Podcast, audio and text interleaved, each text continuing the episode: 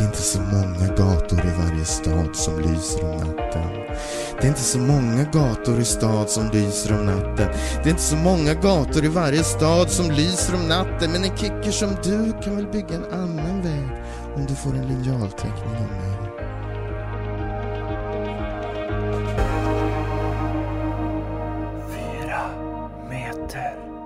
Hej Anders Barring, välkommen till din egen podcast. Tack detsamma. Ska säga till dig, Fritte Ja. Fritzson. Hur är läget? Ja. Ja, men det är bra Ja. tycker jag. Vi, vi körde på distans. Vi kanske ska vara i full transparens. Kanske vi ska säga att vi kör på distans idag. Precis, eller som vi brukar säga, Eh, över jag är hemma hos mig. Ja, just det. Men, Och eh, Mina barn är på nedervåningen här och håller på med någon slags eh, gaming-situation. Så vi får se hur det går. Men, men jag hoppas jag på det bästa. ja, det, ska nog, det ska gå bra, men det är bara att alltså, Ja. mina barn ligger och sover. De kommer göra det en i tre, fyra timmar till ska jag säga. Klockan är alltså halv tio Ja. ungefär. Just det. Men det är Mm. fantastiskt. Dessa tonårsbarn som bara sover och sover och sover. Ja, men alltså, Men blir de något klokare för det? ja, tycker jag faktiskt. Jag tror, tror att, ja, Det det jag, ja. har, hört att eh, hjärnan växer ju väldigt bra när man sover. Mm. Särskilt på förmiddagen. Det är därför de sover så mycket, för att hjärnan växer, förmiddagstillväxten Ja. av hjärnan. Det är den där tillväxten som man önskar att det svenska samhället hade haft. Så den, den sker istället in i tonåringars hjärnor. Shit vad snabb du är Fritte. Alltså jag, jag har just vaknat eh, och eh, Ja. jävlar vad det går fort i hjärnan på dig. Alltså du hittar dubbeltydigheter. Ja, men det, det, känns inte, det känns inte som att det går fort. Men, ja, men jag kanske gick och la mig lite tidigare än vad du. Det, tänk mig att du låg och liksom pumpade någon, pumpa någon eh, Netflix-serie till liksom halv fyra. eller ja, jag låg och kollade den här eh, nya David Fincher-filmen med M- Michael Fassbender. Den var spännande så jag, det, jag kunde inte gå och lägga mig förrän två. Men då, Ja, då blev det också tonårsföräldragrejen att när jag hade gått och lagt mig så ja, då hade inte någon av grabbarna kommit hem från sina respektive olika evenemang som de hade varit på. Eh, Oj så då, ja. var det, då var det liksom mest att ligga och oroa sig och titta på klockan. Mm, och Sen så det. hörde jag dörren en gång slå och då, och då så var det Mårten och hans tjej och sen så ytterligare en halvtimme senare, typ vid, fy, vid tre. Tre då small det till i dörren och kom Alex. Och sen så spred sig som en svag doft av alkohol, utandningsluft i hela lägenheten också. Åh, jävlar. Så du bara, liksom, hade du liksom tänt en tändsticka så hade hela lägenheten exploderat? Ja, precis. Eller man hade kunnat liksom, du vet, så här, lätt marinera en, en, lätt marinera en, en, en, en liten bit kyckling i utandningsluften. För, Ja, precis. Det här är alltså en, en eh, majskyckling från eh, Karstorps gård som är då alltså luftmarinerad i utandningsluften från eh, två tonåringar eh, som Ja. har varit på fest, spritfest. Ja. Eh, och till det, till det serveras vi... Jag fattar inte varför hon ska ut och dricka för. Tycker jag är så jävla onödigt. Men jag tänkte att typ, ungdomar drack mindre nu. Eh, Alltså det, det sägs ju att alkoholkonsumtionen eh, är mindre än när vi var små. Mm, jag har också hört det, men jag har hört att an, konsumtionen av andra preparat har gått upp lite. Ja. Eh, tror jag. Lustgas och crack. Att, just det. Men har, du, har du tagit lust, lustgassnacket med dina barn? Eh, nej, jag har inte gjort det. Nej, det är ju jättefarligt. Är det det? Ja, alltså om tar man för, för mycket, det kan ju liksom bas, vad heter det, permanenta neurologiska skador. Så det är absolut... Eh, jag skulle säga att jag skulle säga att var det jag skulle säga rök hasch, drick alkohol, men ta inte lustgas skulle jag säga till mina barn. Om de var, För att det är, vad, vad är det som är det en syrebrist man får eller? Ja, jag, jag kan inte förklara det, men, men min fru som är neurolog, hon får ju in sådana här, eh, så här psy, psykfall typ. Eh, alltså, eller så här är det ett vrak som har liksom överdoserat lustgas. De är ju jätteilla däran. Alltså. Man har fått alltså hjärnskador. Ja, alltså typ någon slags neurologiska skador. Ja, det är, eh, ja. Fruktansvärt är det. Vad obehagligt. Ja, jätteobehagligt. Det Det, är liksom så här, om detta må vi berätta. Ja, varför har ingen det, sagt drunk, det, det, det drunknar liksom i, det är så mycket skit i världen ändå. Det är gängskjutningar, det är koranbränningar, det är liksom Hamas, det är Israel, det är Ryssland. Det, vad, vad, vad är det inte liksom? Men, men är det så mycket så att det är ett, ett reellt samhällsproblem med alla dessa ungdomar som går det är väl runt ganska få. Det är väl ganska få, men, men det är ju icke desto mindre farligt. Mm. Så jag skulle vilja då skicka då en, en, varning, en varningsord till alla ni som lyssnar på det här som, som kanske är i lustgaskompatibel ålder eller har barn som är i lustgaskompatibel ålder. Det är kanske är mer så att det är folk som har barn i lustgaskompatibel ålder som lyssnar. Ja, men är lustgas en typisk tonårsdrog? Det är ingenting som vet inte. 35-åriga småbarnsföräldrar plockar fram när, när barnen har somnat och går ut på balkongen och drar en, en Mm. tub lustgas. Liksom. Jag tror att det är mer så här, alltså, ja, men kanske typ 15 till 25 drog. Mm. Men, men det, du blandar inte ihop det med att man sniffar tändargas och sånt där? För det Nej, gjorde ju mina kompisar. ja. I Nej det, man- det gör jag inte. Jag inte utan pratar om lustgas. Okej. Här. Det är ju konstigt att det heter lustgas och så, så ger det en sån olust va? när man pratar om det. det, var, Ja. minns, det är som en gammal stand-up, Stellan Sundahl minns du ju. Ja. Alltså han, eh, han hade en lång utläggning så här, om det här, sån här plastfolie som man skulle slå in mat i. mm. Alltså han, liksom, han berättade liksom att det, det liksom, fan, liksom, den bara fastnade och bara, och så, alltså bara han var helt galen på det här. Och så kallar de fanskapet för gladpack. Slutar han med. Stort skratt. Det funkar va? Ja, det funkade. Ja. Stellan Sundahl, han, var, han visste hur man gjorde humor. Det gjorde han verkligen. Det var hans grej. Frid över hans minne. Ja, ja verkligen. Jag såg honom faktiskt eh, eh, live eh, i någon slags VIP-area på Olympia i Helsingborg. Ja, han bara var ju, typ han var ju stor HIF-are. Ja, men bara veckor innan han dog. Oj då. Men vad Ja. gjorde du på VIP-arean på Olympia i Helsingborg? Ja, det kan man fråga sig. Hur, vad fan, hur hamnade jag där? Är det ingenting jag- du pratar om eller? Jo, jo, för det fan. här är ett mörkt kapitel i Anders Parrings historia. Ja, precis. Men Min, jag, min tid som helsingborgare. när jag praktiserade på Malmö TV en sommar, 98 tror jag. Ja. Och eh, de gjorde ett sånt här tv-program som, som de inte gör längre. När man gör precis så här, samlar de bästa krafterna som inte har på semester och gör ett sommarmagasin. Liksom. ja, just det. Ehm, och eh, Det var Kristoffer Barnekow och Kattis Ahlström som, som gjorde ett, ett, ett direktsänd tv från brofästet. Det var innan Öresundsbron var klar. Men liksom, vid, Just det, det där minns jag. Ja, Mm. det var så här Goran Kaifes eh, och eh, eh, Goran Kaifes och Tore Skogman kan vara gäster i ett program. Liksom. Mm. Den, den bredden, vidden. Men då var det en kväll som producenten där, han var sportjournalist. Han skulle på fotboll och se Helsingborg AIK och då fick jag hänga med. Och då, så, eftersom jag var en gammal SVT Malmö-kille så var det, hängde han i VIP-logen såklart. Ja. Men det är ju där? kul. och Helsingborg var rätt bra på den tiden. AIK vann ju SM-guld 98. Ja, det här var det året som... eh, men, men Helsingborg var också bra. De, de, det känns som att de, de var ju också väldigt duktiga då. Var Henke kvar då, eller hur var det? Henke Larsson? Nej, han, han, Nej, nej, han- han, han var i Feyenoord då. 98 ja. Alltså han måste ju ha Mm. lämnat eh, Helsingborg redan efter 94 väl. Ja, det bör han väl ha gjort. Ja. Alltså jag, var, jag, jag, kunde, jag kommer ihåg att Anders Limpar gjorde mål. Mm. det, så- Var, men Masse Magnusson hade också lagt skorna på hyllan, eller? Det vet jag. Nu, nu, nu är du inne på den här typen av, av Mm. liksom superkunskap som jag inte har. Men du fotboll. minns eh, Mats, Mats Magnusson, Rato Branco, den, den vita råttan.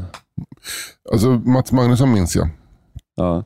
Han var ju stor, stor hjälte i Benfica, men han var ju då, han spelade först i Malmö FF på 80-talet och var Mm. guldhjälte bland annat något år när de vann mot uh, vann SM-guld på, på de här förhatliga åren när det var sådana här slutspel, Mm. slutspelsträd. Mm. Då var det ju eh, något av de där åren. Jag tror det var 86. Då, vann de, då hade de ett superlag. Och Då var det ju Lasse Larsson och Mats Magnusson på topp och sen så var det då både Tern och Schwarz var ju kvar i klubben då, Mm. tror jag. Och vilka var det de vann mot då? Skitsamma. De, Alltså- eh, men då gjorde, det var en fantastisk final. Det var, någon så här, då, då var det, så här, det var två finaler, så var hemma och bortamöte. Men, Jaha. men, men, då, men han kallades för Rato Branco tror jag i, i Benfica och sen kom han tillbaka och då började han spela ju några år för Helsingborg och då var det den gamle Masse Magnusson och den unga Henrik Larsson. Varför var han. Rato Branco? Betyder det, det bl- blonda, Ja, det är den vita blonda råttan. Liksom. blonda Jag vet råttan? inte Ja. riktigt varför han var en råtta, men det var ja, men han hade positiv bemärkelse att han var som en så här, en Snabb då. snabb, tänker jag. Ja. Okej. Oklart. Det kan vara så att inte jag har fel på det här, men vad fan, det, nu kör vi. Nu kör vi på det. Ja. Nu bygger vi myten om Masse Magnusson. Alltså jag, jag, har, jag, jag kommer ihåg att det enda jag kommer ihåg Mats Magnusson är när han gör någon sån där underverk till mål i en, ett VM eller EM-kval som är Sverige vänder 0-2 till 2-2 på väldigt kort tid. Det är inte Mats Magnusson som tjongar in ett Det mål då? vara.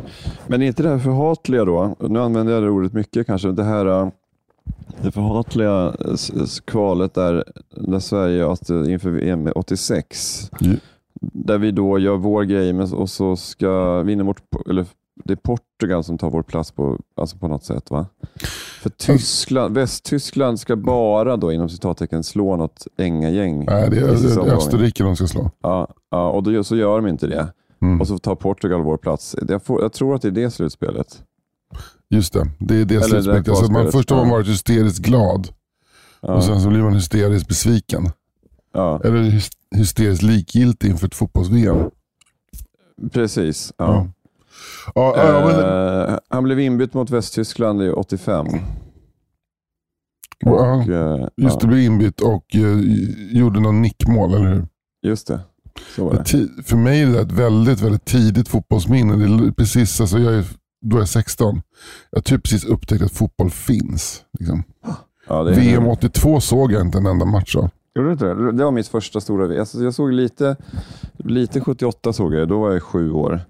Så Då Mm. såg man ju lite så här, ja, man hade lite koll på Holland och med Mario Kempes och sådär. Man visste ju inte, man visste inte, Maradona var ju med då Mm. eh, som, som extremt ung, men han, det var ju Mario Kempes som var den stora hjälten. Liksom. Men, eh, Osvaldo, men, eh, Osvaldo Aldiles, kommer du ihåg den lilla Osvaldo Aldiles, den lilla eleganten från Argentina som spelade i Tottenham sen? verkligen inte. Nej. Jag kommer verkligen inte ihåg honom. Nej. Oj, oj, oj. Den härliga eleganten Osvaldo Ardiles. Vad, Hur många, hur många gånger kan man... Fina, fina Osvaldo Ardiles. Framspelaren, tekni- eh, geniet, eh, professorn på mittfältet. professorn. Det är roligt med så här, att man liksom, går man ut gymnasiet med fullständiga betyg och är med i ett fotbollslag så blir man kallad professor. Har man någon gång blivit ertappad med en, med en bok av typ så här, Mm. eh, ja, vad heter han, Stig Trenter, ser man professorn. Stig, Stig Trenter, det är en rolig aktuell referens. ja, ja, men det var ju 1982, då, satt folk, då, då låg det fortfarande böcker av Stig Trenter hemma hos folk. Ja, men det gjorde det. Det kanske så här man... Nej, jag köpte 82 en bok, jag tänkte jag skulle läsa den va? Ja. 82, då, då kanske man så hade någon så här uh, Bo Baldersson-deckare. Bo Det känns väldigt Baldersson. kompatibel, kompatibelt med 82. Ja. Ja. Men jag Men- träffade Djurgårdens fotbollsmålvakt eh, Jakob eh, Widell Zetterström. Vi, vi, har ju, vi är med i ett quiz. When we were quiz. When we were quiz. Mm. Då, då träffade jag honom i något sammanhang där och ehm, då, eh, han är ju pluggis. Det är därför han han, hjälm. Det är därför han spelar med hjälm. Ja, exakt. Jag tänkte säga att han har hjälm för att han har liksom hjärnceller att vara rädd om till skillnad Mm. från alla andra fotbollsspelare. Men han har, han har tydligen han har gått på läkarlinjen tydligen. Eh, Men, men han, det var svår, han kunde inte kombinera med fotbollen. Det var för, för, för mycket eh, plugg tydligen. Men du, är det på riktigt så att han har, det är inte så att han har hjälm för att han är rädd om skallen, utan det är för att Nej, han har, har haft han ett har antal haft- hjärnskakningar redan. ja, precis. Men är precis. han själv som, alltså han är, då han är läkare, han är på gång att bli läkare, då har han själv fattat det här beslutet eller är det Djurgårdens läkare som har sagt åt honom du spelar Ja, med det, hjälm? det, är nog, det, är nog, det är nog, han har nog inte bara Djurgårdsläkare, utan det är nog någon neurolog som har någon så här, idrottsneurolog, jag vet inte om det finns, men det är någon som har sagt till honom att du, du ska spela med hjälm nu, annars kan du råka illa ut, tänker jag. I det läget skulle jag, om jag hade gått läkarlinjen Mm. Och hoppat av den, för, alltså jag, skulle, jag skulle sluta med fotbollen direkt. Mm. Alltså det är inte värt, alltså, det är klart man är ung, man har, man har inte perspektivet att jag blir 60 bast och får börja bli dement. Liksom. Mm. Men det är det som Exakt. händer med, med många, att de blir dementa i förtid. Liksom. Mm. Nej, men det är det precis. Men samtidigt så tror jag att man, man är väl odödlig när man är ung, tänker jag. Och att Det är ju det. ju- men han, han verkar ju väldigt eh, reflekterande, han, Jakob. Han känns ju väldigt eh, smart liksom, för att vara, inte bara för att vara, ja men, han, ja, men studiebegåvad herre. Mm. Mm. Ja, men, Men det är kul när man att- träffar folk sådär, för man har liksom, jag, jag tror aldrig jag har sett någon intervju med honom. Jag vet inte om han gör så mycket intervjuer. Eh, han verkar hålla låg profil i laget, men så, så när man träffar honom så man, man, man har ingen aning om vad det här är för person och så, så, så, blir, så är det en person som man kanske inte trodde att det var. Nej, jag fattar. Nej. Ja, men det, så, så måste Det är det kul, eller hur? Visst är det kul att bli överraskad? Ja, verkligen. Verkligen. Men det är bara för att du, det är väl det med fotbollsspelare överhuvudtaget så har man två, man har två konkurrerande liksom inre bilder. Dels att även om de är födda, de, här, de flesta fotbollsspelare är födda på 90 och början på 00-talet. De, ser- de är typ som i mina barns ålder. Mm. Eh, och, och lite uppåt. Men de är, de är liksom... Och, men, men, men trots det så, så är det så att när, när man upptäckte idrottspersoner överhuvudtaget så var man ganska liten och de, då var de äldre. Och det, har- det har de förblivit. De är fortfarande de här stora idolerna och förebilderna. Liksom. Mm. Och sen så möter man då, och så det är en bild. Och sen den andra bilden är att de bara typ så här, det är bara könshumor och eh, Fifa-kvällar kvällar på hotellet när de inte spelar fotboll. Liksom. Mm. Så därför så blir man, därför så blir man eh, väldigt fascin- liksom, överraskad när en, en fotbollsspelare visar sig vara rätt sammansatt som person. Liksom. Mm. Typ en pluggis. Mm. Precis. Pluggus hästus.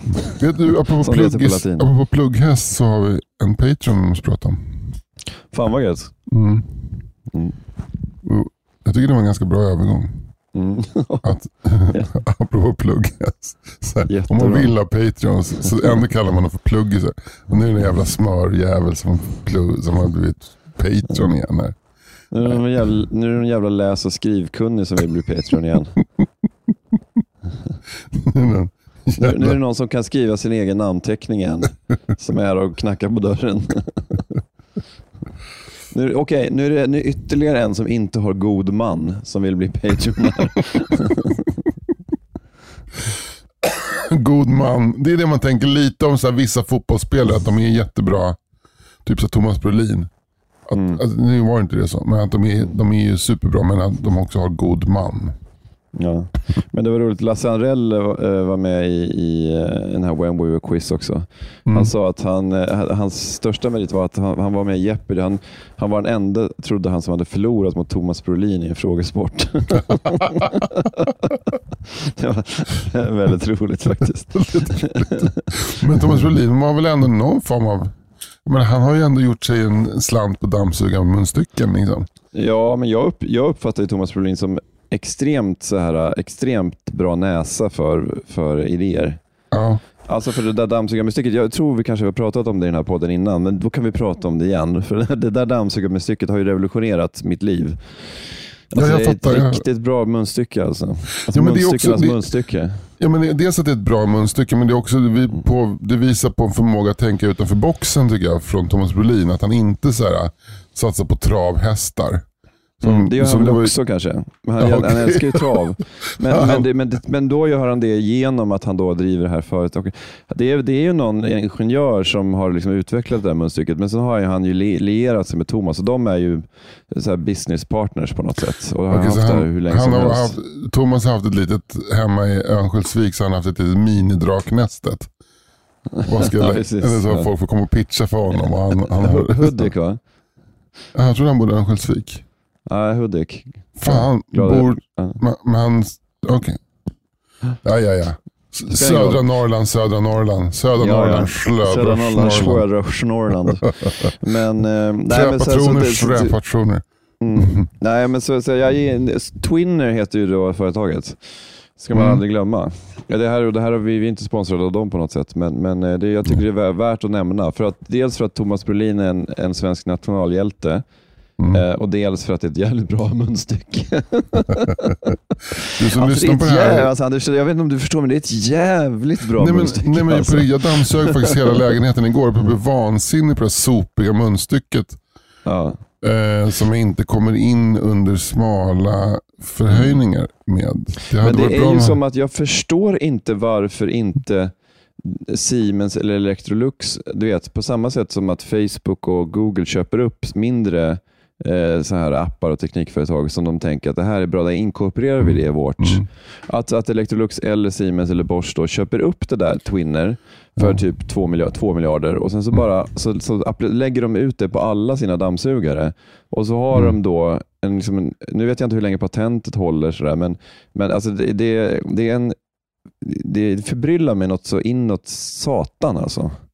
Det, det här verkar vara den bästa innovationen sedan hjulet. Ja, jag skulle det. säga det. Jag skulle säga det. Eh, hjulet, Twinnermunstycket och IPA. Det är de tre, det är de tre innovationerna som har liksom så betytt mest för mänskligheten. Det, där kan man göra en sån här, vet du, bara en kronologisk linje. Du ska placera de här äh, tre i kronologisk ordning. Hjulet, Twinnermusiket och IPA. Det är så här, det är så här, när då då, eller den här, det här spelet med årtalen. Ja, exakt. Och så folk sitter, vad fan, när kom, kom IPA först eller kom Twinnermunstycket först? Nej, jag, Alltså, nej, jag har ingen här, aning. Alltså. Spela det med, spela Nej, det med. Värnamos A-lag här. Och de, de kommer lägga IPA i nyast. Ja. Ja, Fan? IPA kom väl, kom väl i fjol, gjorde det inte det? På systemet i Värnamo, eller? Ja. Det sitter någon, det sitter någon sån här Djurgårds målvaktkille och bara, herregud. Herregud. Men alltså, men alltså, alltså, ut, alltså, tänk så här. Va? Alltså, om man ska transportera IPA, vad, vad behöver man då? Behöver man ett hjul, eller hur? Så hjulet måste vara först, för att annars hade man kun, inte kunnat transportera. Ja, jo, men hade man kunnat dra, dra den på en släde kanske. roligt. Jag tycker Nisse Hallberg hade en väldigt rolig så här, eh, spaning som inte är så Nisse Hallbergsk egentligen. Det här med att Mm. det var typ så här 3000 år mellan, eller 6000 år mellan att man uppfann hjulet och rullväskan. Ja, den är jättekul. Ja. Det är en jävla bra iakttagelse att man kunde sätta en man på månen men, men Mm. rullväskan var fortfarande inte uppvuxen. Så vilket innebar att Buzz Aldrin och Neil Armstrong fick bära ombord sina resväskor. Den är jätte, den är, den är, vä- det är väldigt bra. Det är kanske, kan man säga så här att det är Nisses bästa spaning någonsin? Ja, men det, det är hans, det är liksom om man ska titta på så här, Formulär 1A stand-up. Så Mm. är det väl det. För annars är det mest att han berättar så här långa anekdoter om någon, Ja. någon morbror som heter så här, typ eh, Spiken och eh, har käkat Precis. antabus. Liksom. Men, men, men när Lasse Karlsson hörde den här spaningen av Nisse, då bara, Lasse Karlsson blev så fruktansvärt arg att han inte hade kommit på den.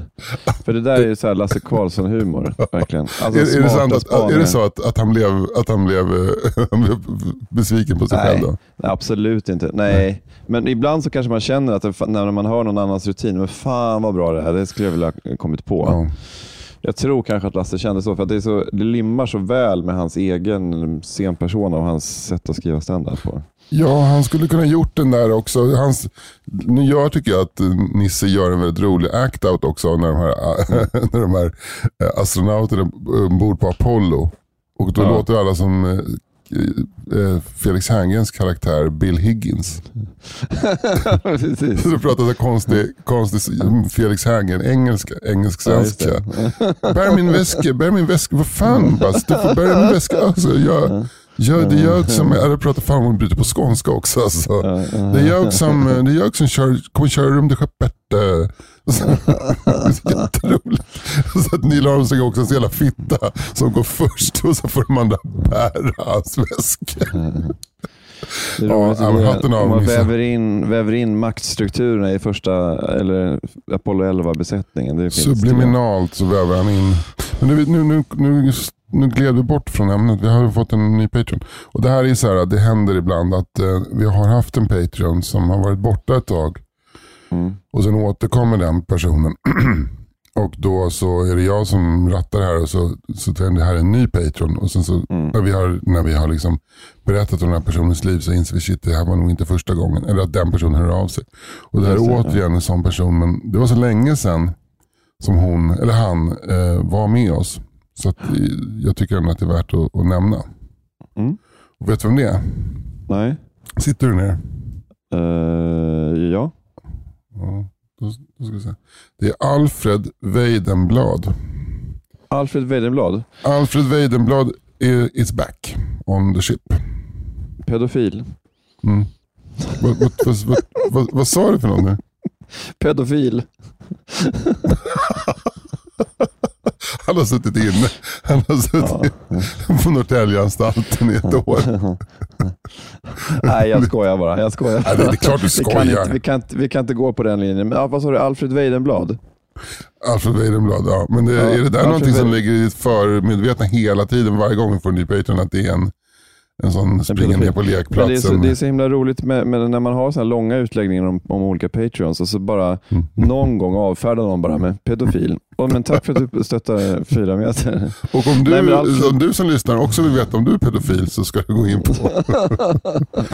det Men är vi kan lite... säga några, några ord om Alfred Weidenblad tycker Jag, jag. bara säga, det, Mm. jag tycker Alfred Weidenblad är ett vackert namn. Det är också, skulle man skriva en sån här The Kids Are, The Kids Are Alright eh, bok, roman, som Mm. handlar om att det är en pedofil som härjar i ett, ett litet villaområde, då skulle han kunna heta Alfred Weidenblad.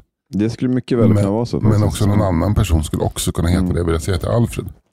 Men det är Mm, lite precis. udda, särskilt om man är så ett sämre författare. Mm. Som slänger in, nu kommer det, då heter alla så här typ Svensson, Karlsson, Lundström. Och så dök det in en Weidenblad och det är klart att det var Precis. Weidenblad som gick ner till lekplatsen med godis. Och delade ut och sen frågade de om någon vill följa med honom hem och lyssna på Michael Jackson. Liksom. Men Alfred Weidenblad är ju en libertariansk opinionsbildare. Mhm. I vilka, Eh. vilket, eh, vi- vilket, eh, vilket, vad, vad har han Nej, för? han har jobbat på, kanaler? han har jobbat på Timbro eh, och han är väldigt frihetlig. Han Härligt. förordar en, liksom en liten stat och så Mm. När samhällsklimatet då liksom vänder mot en större stat, till och med alltså Gunnar Strömmer, den gamla här, libertarianen, Mm. tycker att vi, vi måste ha en stor stat just nu för att det är så mycket samhällsproblem med gängkriminalitet och så. Mm. Så, så är, är liksom Alfred Weidenblad är liksom som den galliska byn, de sista som liksom framhärdar att det spelar ingen roll för vi måste ha en liten en nätt, eller som man säger, en petit stat Mm. eh, som bara, med bara det, det nödvändigaste. Han är så här, något så otidsenlig som en, som en så libertarian som, som står fast vid sina libertarianska ideal. Jag fattar. Och Det gör han inte på Timbro längre utan han har en, en Substack, eh, weidenblad.substack.com tror jag den heter. Just det. Där, som är, där han då skriver eh, och sen då publiceras han också då, då och då på olika opinions, eh, alltså ledarsidor. Han skriver, dyker, han kan dyka upp i Fokus, han kan dyka upp på eh, Kvartal, eh, alltså lite, också lite borgerliga ledarsidor. Eh, Barometern såklart Mm. i Kalmar. Där skriver han också lite grann. Det. Så det är lite sådär, eh, många bäckar små för, för, i hans liv. så. Mm. Eh, men sen är han ju också jävligt eh, duktig på tvärflöjt. Han är, han är utbildad på Musikhögskolan i Stockholm. Eh, men han är inte så här, det, är inte, det var inte så att han blev eh, han blev inte liksom konsertmusiker eller sådär. Eh, men, han, men han har då en tjänst också eh, som eh, musiklärare. Det har han. På, ja, precis. Och, På han bor Kulturskolan i, eller? Han, ja, han bor i, i, i, Vast, Vadstena. Vadstena, Vad Vadstena. fint. Fy fan Ja, vad fint. Det känns som att han inte är den enda... jobbar, i, han jobbar på musikskolan i Motala. Det är ju det är nästgårds. Det är bara på Ja. andra sidan viken. Så, där. så att han, elcykeln dit. ja, han är eh, mycket miljömedveten. Han, han Mm. kör elcykel nästan året runt och sen ibland så får han ta den här eh, bussen mellan Vadstena och, och Motala som går lite för sällan. När det är Mm. så här snöglopp, snöslask och så. Och, men då, då är han ju ändå konsekvent nog att konstatera att nej, men vi kan inte betala för liksom, snöröjning liksom, som bara ska stå och vänta på att det ska bli snö. Utan vi får, ibland får vi acceptera att det är lite snö och då, är- då är samhället lite mer sårbart. Mm. Eh, han är liksom väldigt konsekvent. Satan Men han sammansatt ju- person. Ja, verkligen. Men han är ju så, eh, nej, men han är på något sätt en libertarian med någon slags eh, patos ändå. Han, eh, han är ju inte så laissez-faire att liksom var och en för sig själv, utan han har ju ett samhällsengagemang också. Så där. Han menar ju att den libertarianska staten ändå måste bygga på alltså att vi ändå gör någonting tillsammans. Det, liksom, det, det, det, finns ingen motsättning mellan att vara libertarian och att vara nästan lite solidariskt lagd, menar ju han. För att det ena kräver på något sätt det andra. Nej, men däremot så finns det en motsättning mellan att vara libertarian och, och, eh, och eh, Tvärflöjtist. tvärflöjtist. Ja. För jag menar, Ja. vad, vad står han Ja. och frågar om Norrköpings symfoniorkester till exempel? Precis. Det, Eh, finns inte, det, ja. det, det är få eh, tvärflöjtister som, som Mm. klarar sig utan eh, liksom, anslag från kommun eller stat. Verkligen. Nej, Alltså- men han, det, det, här med kulturskolan, det är ju liksom så, såklart det är, alltså det är jobbigt för honom. Att, att samhället subventionerar eh, barnens musikundervisning. Mm. Eh, men, men kärleken till att, att undervisa små barn i flöjtspel liksom, gör ju ändå att han, han, han gör detta. Liksom. Men han kanske ändå har försökt sådär, sådär eh, att hörni, eh, han har gått ut med någon slags lib- libertarianens rop på hjälp. Såhär, skulle ni kunna tänka er att betala för vad det ko- egentligen kostar för tvärflöjtslektionerna? Ja, och han är så trevlig också. Ja, vad, ja vad skulle det kosta? 6 000 per lektion? Precis, Nej. Ja. Mm. Men, eh, men det, och sen det, är det, för det är det det kostar. Ja, men är en, en detalj man inte får glömma är att han också är då är tvärflöjtist då i jazzrockbandet Båren Roxen. eh, som, Båren eh, Roxen. som, eh, som har, eh, jag tror de har mellan 3 och 4 tusen faktiskt spelningar på, på Spotify i månaden. Eh, och det kan ju inte tyckas vara mycket, men det är ändå liksom för ett så ganska progressivt jazzrockband från Mm. Östergötland eh, så, så är 3-4 spelningar, tusen spelningar i månaden ändå inte kattskit. Nej, nej. Det är, För det, det, det är det som är så fint med, med, med Spotify att, och internet överhuvudtaget, att det, det öppnar upp. Så det sitter ju folk i, i Salvador de Bahia och lyssnar på detta. För att Ja. det, liksom, den progressiva jazzrocken är ju liksom universel. det är ett tunt nät över hela världen. Ja. Det är ett smörjmedel för internationell samverkan och kultur. Mm. Vet du vad som är hans favoritfilm? film? Nej. det är Anchorman. Smal referens. Men han tycker att den här scenen när, eh, när eh, Will Ferrells karaktär spelar eh, jazzrock, jazzflöjt Mm. är inte rolig utan bara väldigt bra. Ja, precis. Han, gar- han fattar inte varför folk garvar när, när han Nej. skriker Aqualung.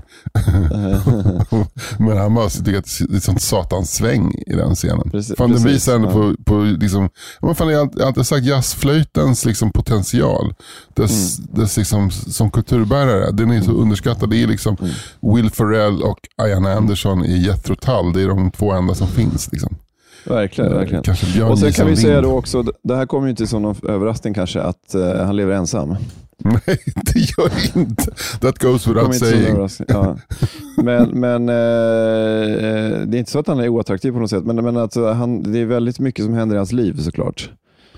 Han är Eh, mycket, men också just, just det här att han är mycket som hans liv. Att han, han är så principfast och ändå så Mm. oprincipfast på samma gång. Mm. Liksom.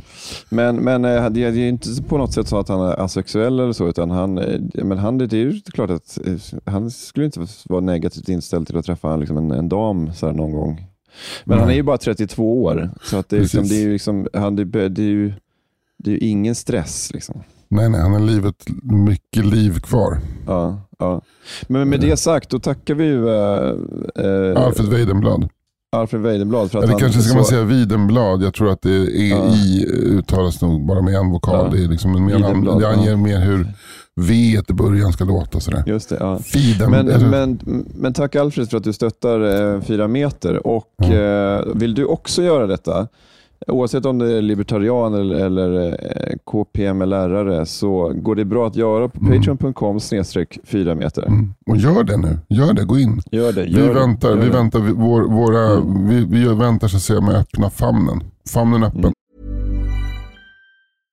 Ryan Reynolds here from Mint Mobile. With the price of just about everything going up during inflation, we thought we'd bring our prices down. So to help us, we brought in a reverse auctioneer, which is apparently a thing.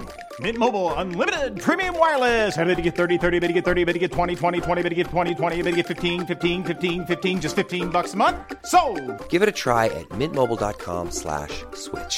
$45 upfront for three months plus taxes and fees. Promo rate for new customers for limited time. Unlimited more than 40 gigabytes per month. Slows. Full terms at mintmobile.com.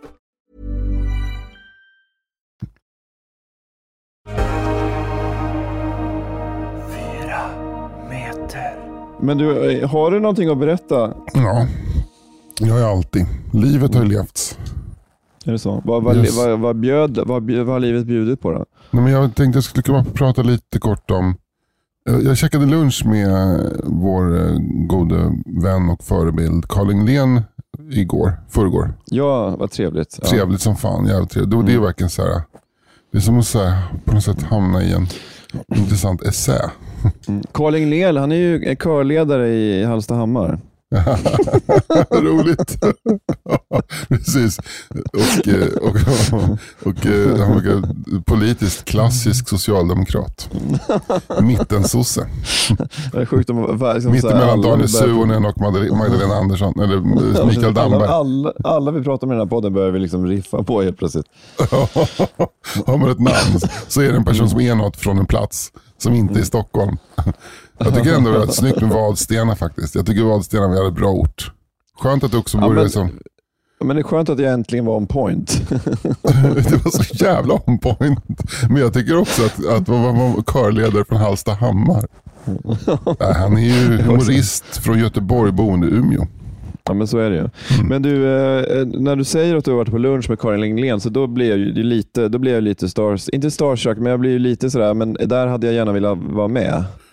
Ja, var, jag, jag har ju träffat Karl några gånger, och fast jag, oftast har det bara, bara att vi har by- bytt några ord. Sådär. Man, man är Mm. på något evenemang eller på, på någon stand-up eller så. så att det, det, det hade varit kul att ha en sittning med Karl Engnell någon gång faktiskt. man kan säga med Karin Lindgren att det är en väldigt varm person och ett flöde.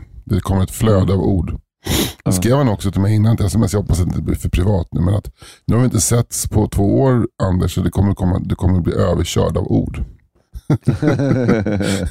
Vad roligt. Nej, men vi, jag, jag, jag, egentligen så är det här bara liksom en liten ingress till ett annat ämne. Mm. Eh, Men då vi pratade om, pratade om väldigt mycket, vi satt länge. Och så pratade vi om, ja, vi pratade om tv-serier som man gör, som vi håller på med tv bägge två. Och då, snack, Mm. då sa han att det briljanta med serien Better Call Saul. Känner du till Better Call Saul? Jag har sett, eh, jag har sett eh, en och en halv säsong i alla fall. Ja, men det, är, det, det, man kan säga, det är en spin-off-serie på Breaking Bad.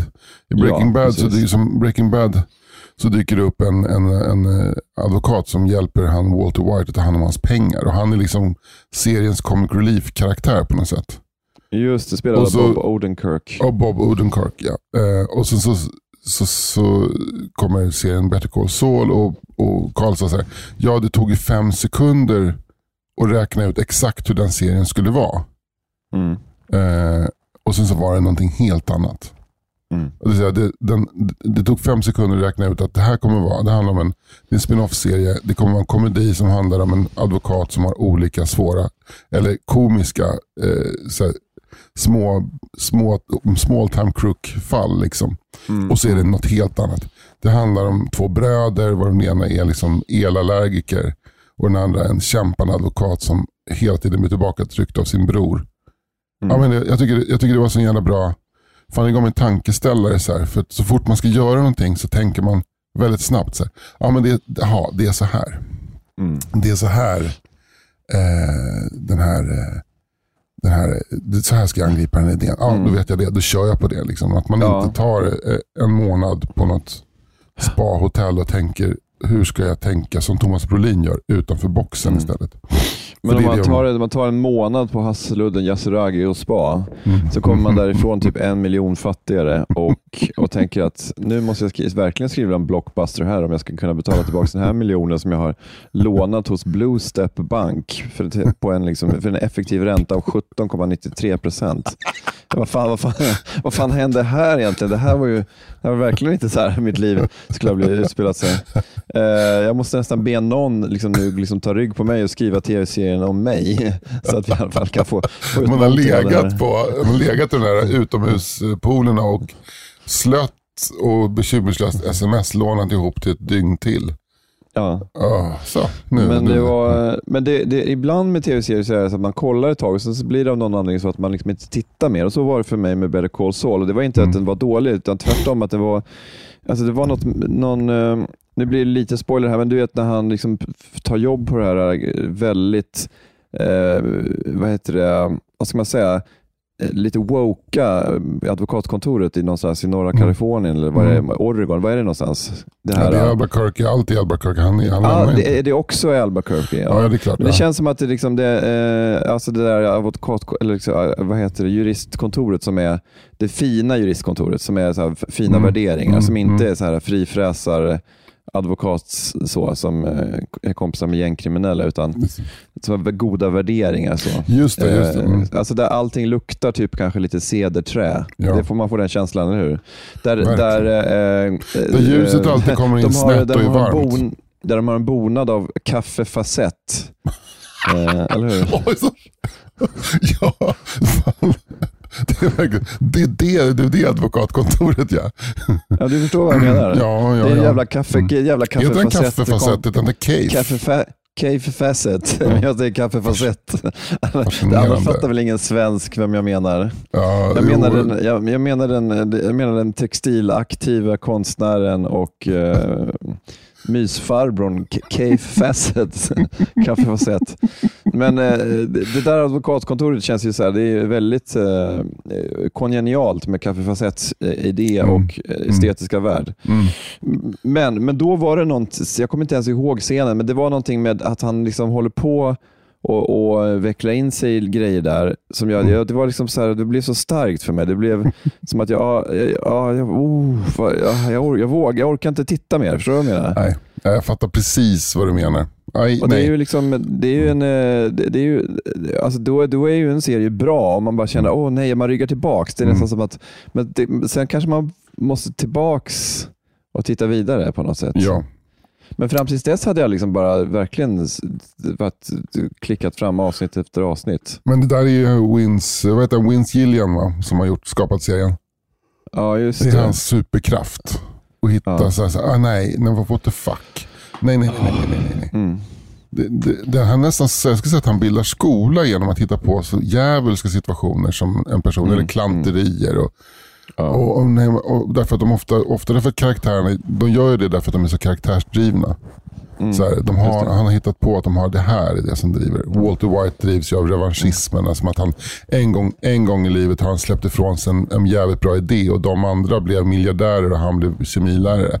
Han tänker inte släppa ifrån sig den här grejen. Nej, Och, med, och, och, och när det gäller Saul, eller, eller Mm. Ja, han, han, han har ju liksom alltid, blivit, alltid varit en fuck-up som blivit nedtryckt av sin brorsa. Och nu ska han fan lyckas. Liksom. Mm. Men han är ändå en fuck-up. Ja. Ehm, jo, men i alla fall så pratade vi om det och jag tyckte jag blev på så bra humör. Liksom, Mm. eh, Men så, så det slutade den här lunchen med att du och Carl Englén eh, blev blodsbröder eh, och ni skar, skar liksom på, satt där på Sumo franciskaner med någon köttkniv och skar varandras handflator och, och, och bytte blod och lovade att ni skulle jobba mer med karaktärsdrivna manus i framtiden. ja, det, hade varit, det hade varit drömmen. Det var faktiskt inte på. Francisco, det var på Pelikan. Ja. Är- Jo, men det, men, men det är i huvudet. Men, men med detta Ja. i huvudet. Mm. Think outside of the box. Så gick jag på Just det. kvällen och såg eh, eh, Fredrik eh, Gertens eh, Cornelis dokumentär. Eh, Magnus Gerta va? Förlåt, hur kan jag blanda ihop bröderna Gertens? Ja, det är två Malmöbröder som gör film. Det är, det är, det är väldigt djupt förståeligt. Steve och Phil Båda två är... Båda, precis. Eller Phil kanske. Precis. Steve och Phil, Mär, Magnus och Fredrik Gerten. Jag, säger inte att Magnus Gerten inte tänker utanför boxen, för det hade han verkligen gjort. Jesper och Peg Parnevik. Eller som- Vem är vem? Vem, vem är vem? vad hette han, vad fan hette han den där, han som imiterade Ingvar Mundebo? Peg Barne Parnevik? Japp, han. Peg Parnevik, imitatören och kompisen med Allan Schulman. Ja, han. Ja. Men, Eh, fan, men det är kom- jättebra. Men, men jag, jag tänker liksom att det här avsnittets... eh, ja, men det, ja, men det liksom så här, tar vi med oss någonting så think outside the box. Ja, men jag, jag måste få komma i mål här. Utanför lådan. Ja, men fortsätt gärna och skjut ner. Alltså du får gärna göra det för det, det, Ja. det, det är någon slags, eh, Mm. jag gillar den energin. Mm. Eh, jo men eh, Magnus Gerten ska presentera sin sin dokumentär Somliga går med trasiga skor. Tror jag att den heter. Mm. Jag tror faktiskt det. Och vi är på biografen Skandia på Drottninggatan. Eh, och det är eh, Stockholms filmfestival som, som håller den här galapremiären. Det är lite gala-vibb. Mm. Dogge Doggelito glider runt, ser lite jagad ut. I, i, kollar efter om de andra i Latin Kings också är där. Underbart. ja. Men i alla fall, eh, det är inte det jag ska prata om. Utan- Utan innan, innan den här filmvisningen så är det ett litet samtal där en, någon som jag tror jobbar på Stockholms filmfestival ska liksom intervjua Magnus Garten på scen. Och det här är fan med ingen kulturjournalist. Det kan inte ha varit. För han tänker, han har verkligen, han har verkligen han, jag- han, vi, nu ska vi prata Cornelis. Och då försöker han, då, han jobbar bara med de här starka, det är det första du kommer att tänka på när du hör Cornelis. Så en, en fråga till exempel till Magnus Garten som jag tycker är så jävla idiotisk. Det är så här, hur kan du som är malmöit berätta en Stockholms, Stockholms historia? Det tycker jag är, det, är- det är en idiotisk fråga. Ja, Särskilt också som enligt filmen så bodde Cornelis sju år i Skåne. Och Men, enligt, och, men också enligt, eh, alltså, enligt myten så var han, ju- kom han ju från Nederländerna. alltså, Ja, inte bara enligt så myten. Helt, utan- nej, men helt Stockholm är jag inte. Dessutom bodde han väl på Ekerö. Var liksom, så här, hur kan du som är från Sollentuna berätta om någon som är från Ekerö? Alltså, det är ju bara, nej. Ha, jag hatar den här killen. Ja, men sen så också, ja, så han- hans här, ja du och jag, första gången vi träffades var ju på Harvest Home. Folk bara, mm. Jag höll på, på, på sådär, liksom, försökte hitta så här sätt av Cornelis Marcari. Han pratade, han, han pratade orimligt, och det var lite sent också, han pratade orimligt länge om det här med att när journalisten höll på Bajen då och Fredrik höll på MFF, så han pratade om det. Men sen så, så, så, så snackade han också om, om Cornelis karriär då, liksom på slutet av karriären. Och den här filmen handlar ju lite om Cornelis karriär. I slutet av karriären, ja då gjorde han ju, då gjorde han ju musik. Då var det syntpop. Då var det syntar med. Det är inte riktigt Cornelis. Så här. Och Magnus bara, nej, nej, nej, nej. Så nej det var ju för hemskt. Så här. Alltså det var verkligen vi, det var en vedervärdig jävla. Ja. För sen så är det det som är på något sätt, så här, film, alla filmer går ju mot ett mål. Och det, det, som, det som är ganska unikt, det som är coolt med den här filmen, eller mycket, jag tyckte väldigt mycket om den, men det är att man har hittat en ljud, ljudupptagning som Git Magnusson gjorde på Sofiahemmet oktober 87. När hon intervjuade Cornelis. Mm. För att hon skulle skriva hans biografi. Mm. Eh, och det är alltså bara veckor innan Cornelis gick bort. Så det är ljudupptagningar från den här intervjun. Liksom. Mm. Och eh, under den tiden så spelade han också in en skiva som heter Till Fatumé. Eh, typ så här berättelse från de osaligas ängder något sånt där. Mm. Till Fatumé. Och eh, den kämpade han ju med. Liksom. Han, han åkte från sjukhuset till studion och hemifrån till studion. Och spelade in låt efter låt med full liksom, rasande levercancer i kroppen. Liksom. Mm. Mm. Så att eh, de sa att ibland kunde han spela in en vers som var tvungen att gå hem. Och det var ju den skivan som den här bayern journalisten refererade till i början då, med syntar på. Mm. Som var liksom hela filmens så här, röda, eh, vad ska man säga, det var målet med filmen eller med historien. Han måste ändå kunna få berätta den här, Mm. göra den här skivan, berätta de historierna för de låg honom väldigt nära. Och enligt, enligt narrativet så, så eh, ville han liksom där för sista gången då liksom lyfta fram de här existenserna som han hade mött under sitt liv som Mm. amfetaminist i Stockholm. Liksom. Så att, ja. Ja, jag tyckte det var så jävla dåligt. Jag var så jävla, på så jävla dåligt humör. Så här, folk som Mm. bara säger, ja men okej jag fattar, jag ska, vi ska prata om Cornelis, jag vet, jag fattar. Men det är ju liksom också så här, när man, när man själv känner att man skulle kunna haft det där snacket med Magnus Garten liksom helt oförberedd och gjort det bättre än vad han den här jävla bajen tjommen gjorde. Ja, men det var, jag tror att det, det det handlar om, och han var ingen bayern utan han var, han var också den här typen av bayern lite som Magnus Gerten är väl en MFF tjomme alltså det klassiska kulturjournalist som har Mm. liksom sitt boys alibi i att han fortfarande gillar fotboll jävligt mycket. Jo, Att han- men det låter ju som en person när du beskriver det som, som eh, kanske lite så här, för, förälskad i sin egen röst och sina egna tankar och, och Mm. kanske lite för dålig på och ja, kanske lite för dum, tänker jag. Alltså lite Ja, men också- så här, inte, så här, så- inte så spänstig liksom, intellektuellt. Nej, han var, han, han, det var, det fanns en anledning till att han satt och gjorde intervjuer på Stockholms filmfestival Mm. och inte i Babel. Ja, exakt. Liksom. Eh, Ja. Sen, så, sen så kändes han också som, det, jag kan sätta pengar på att han cyklar runt med en sån här lådcykel, dansk lådcykel med sina barn i, i kvarteren runt Nytorget. Okej. Liksom. Men han, så han är, det, det är den åldern, han var inte 67 utan han var snarare då för, för, 45. Jag skulle säga att han var född på 38. 80-talet, absolut född på Ja. 80-talet. Ja. Eh, Kanske eventuellt sent 70-tal. Men någon, det, var en, det var en småbarnsförälder i 40-årsåldern med många poäng Mm. på kulturvetarlinjen och som jobbade nu på filmfestivalens programavdelning. Just det. Ja. Och han hade träffat Ja. Magnus Gerten på Harvest Home. Ja. Där. Men tycker du att den här förintervjun förmörkade liksom, visningen eller du kunde du ändå njuta av filmen? Ja, men det, det, sen var det att han höll på så jävla länge. Han pratade så 20-25 minuter med Gerten och, och filmen började li- kom igång ändå lite sent. Alltihop kom igång sent. Så att jag tycker den förmörkade den så tillvida att klockan blev så jävla mycket. Det var typ så halv tolv när filmen var klar. Liksom.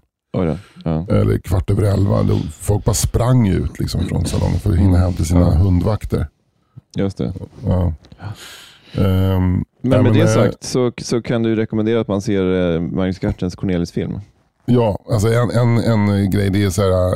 Eh, så jag tycker han nyanserar bilden av Vispromen-storken något enormt. Mm. Man har ju sett det framför sig som ett så här mysigt så här, musikcafé. Mm. Men efter att ha sett den här dokumentären så att eh, Vispromen-storken är lite mer som du vet eh, i Al Pacino i Scarface. Du vet hans Mm. kontor på slutet när den, hela colombianska armén är på väg in i huset. Lite så. Det är lite mer det som är Vispromen-storken. Det är så mycket knark där. Så.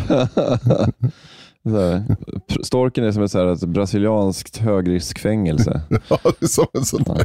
Precis, så, precis, som ett brasilianskt. Han som drev storken, han hette Skeppan. Det var Ja. lite bilder på honom. Så här. Eller han hette inte Skeppan, han kallades Skeppan för det var han, han, han tog paus ibland. Eh, Han åkte, reste bort ibland inom situationstecken. Då satt han inne för, för amfetaminlangning. Eh, langning. han sålde knark. Men, men han, han såg ut som en karl i 60-årsåldern. Eh, på bilderna. Och sen så Mm. på slutet så berättar 13. de att nej, han var 32 när han dog.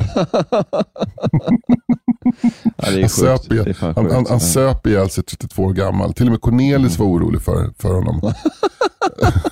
Ja, det säger en del. Det säger. Cornelis hade sagt, Åh, du, får inte, du kan inte dricka så där mycket, du kommer dö. För han, drack, Ja. han, han gjorde inget annat än att han drack på slutet.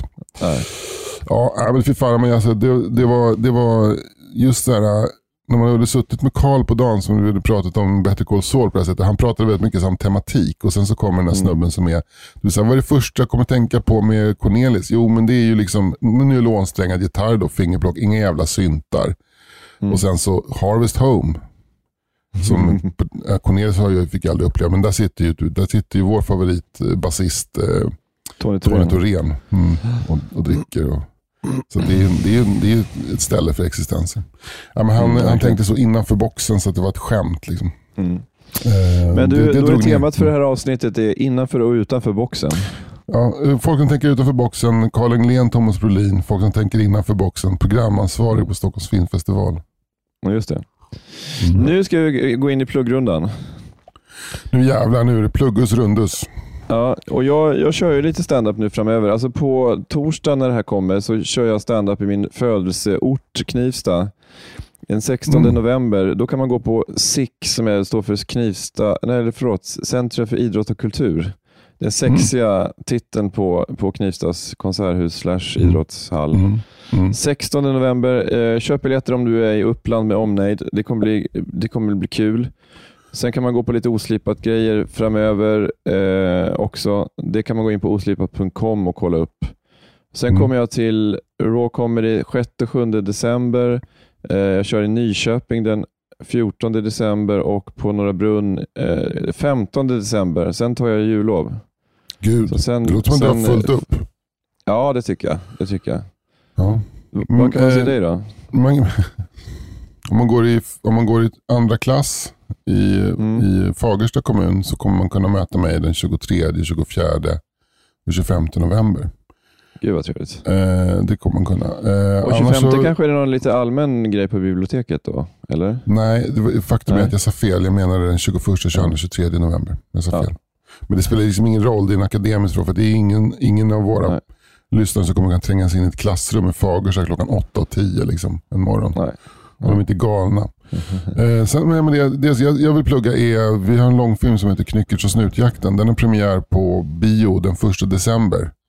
Se till att haffa ditt förhandsex redan nu. Din biljett. Ja, verkligen. Jag Mm. kommer och, självklart att gå med barnen och kolla på denna det ska du. film. Ja. Det är en pärla. Eh, det är kommer en hända. fantastiskt litet stycke film i stil, i klass, fullt i klass med Magnus Gertens dokumentär Trasiga skor om Cornelius, Cornelius Vreeswijk. Hur, hur lång är uh, Knyckertz-filmen? 1.30. Men det funkar. Perfekt för Bosse, lite lång för Fred ska jag säga. Ja, precis. Men vi får Den är lite, den, lite... kan säga, den är lite vuxnare än vad jag hade trott faktiskt. Den är lite, så, här- den är inte, det är, en fyraåring ja, pallar inte med. Det är också ganska läskig. Det är så? Ja, Då det, kanske jag får gå med Bosse bara då. Jag tror att Fred inte ska se den. Det kan, han kan få men Ja. för livet. Det är ju lite så Ja. samma grej som när jag såg Utvandrarna lite för tidigt eh, och Mm. eh, Robert fick en örfis. Han hade här tonen i, örat. Liksom. Den, den, Det Mm. traumat. Mm. Ja, det där Eh, klassiska mm, Du traumat. fattar. Mm. Ja. Tinnitus. Men du, eh, men då tipsar vi alla som har barn över 6-7 år att gå och se på Knyckertz i alla fall. Ja, det Och alla och vi tipsar alla, alla som gillar stand-up att gå och se dig köra stand-up. För det är, Ja. du är inte bara väldigt allmänbildad, du är också väldigt rolig. Ja men gulle dig. Mm. Gulle gulle dig. Ska, vi, ska vi Anders, sluta på vi den? Tack, ja det gör vi. Vi tackar för idag. Och eh, vi. vi är tillbaka nästa vecka. Eh, ha Mm. det bra. Hej då. Hej då. Hej hej. Everybody in your crew identifies as either Big Mac Burger, McNuggets, or McCrispy Sandwich. But you're the filet fish Sandwich all day.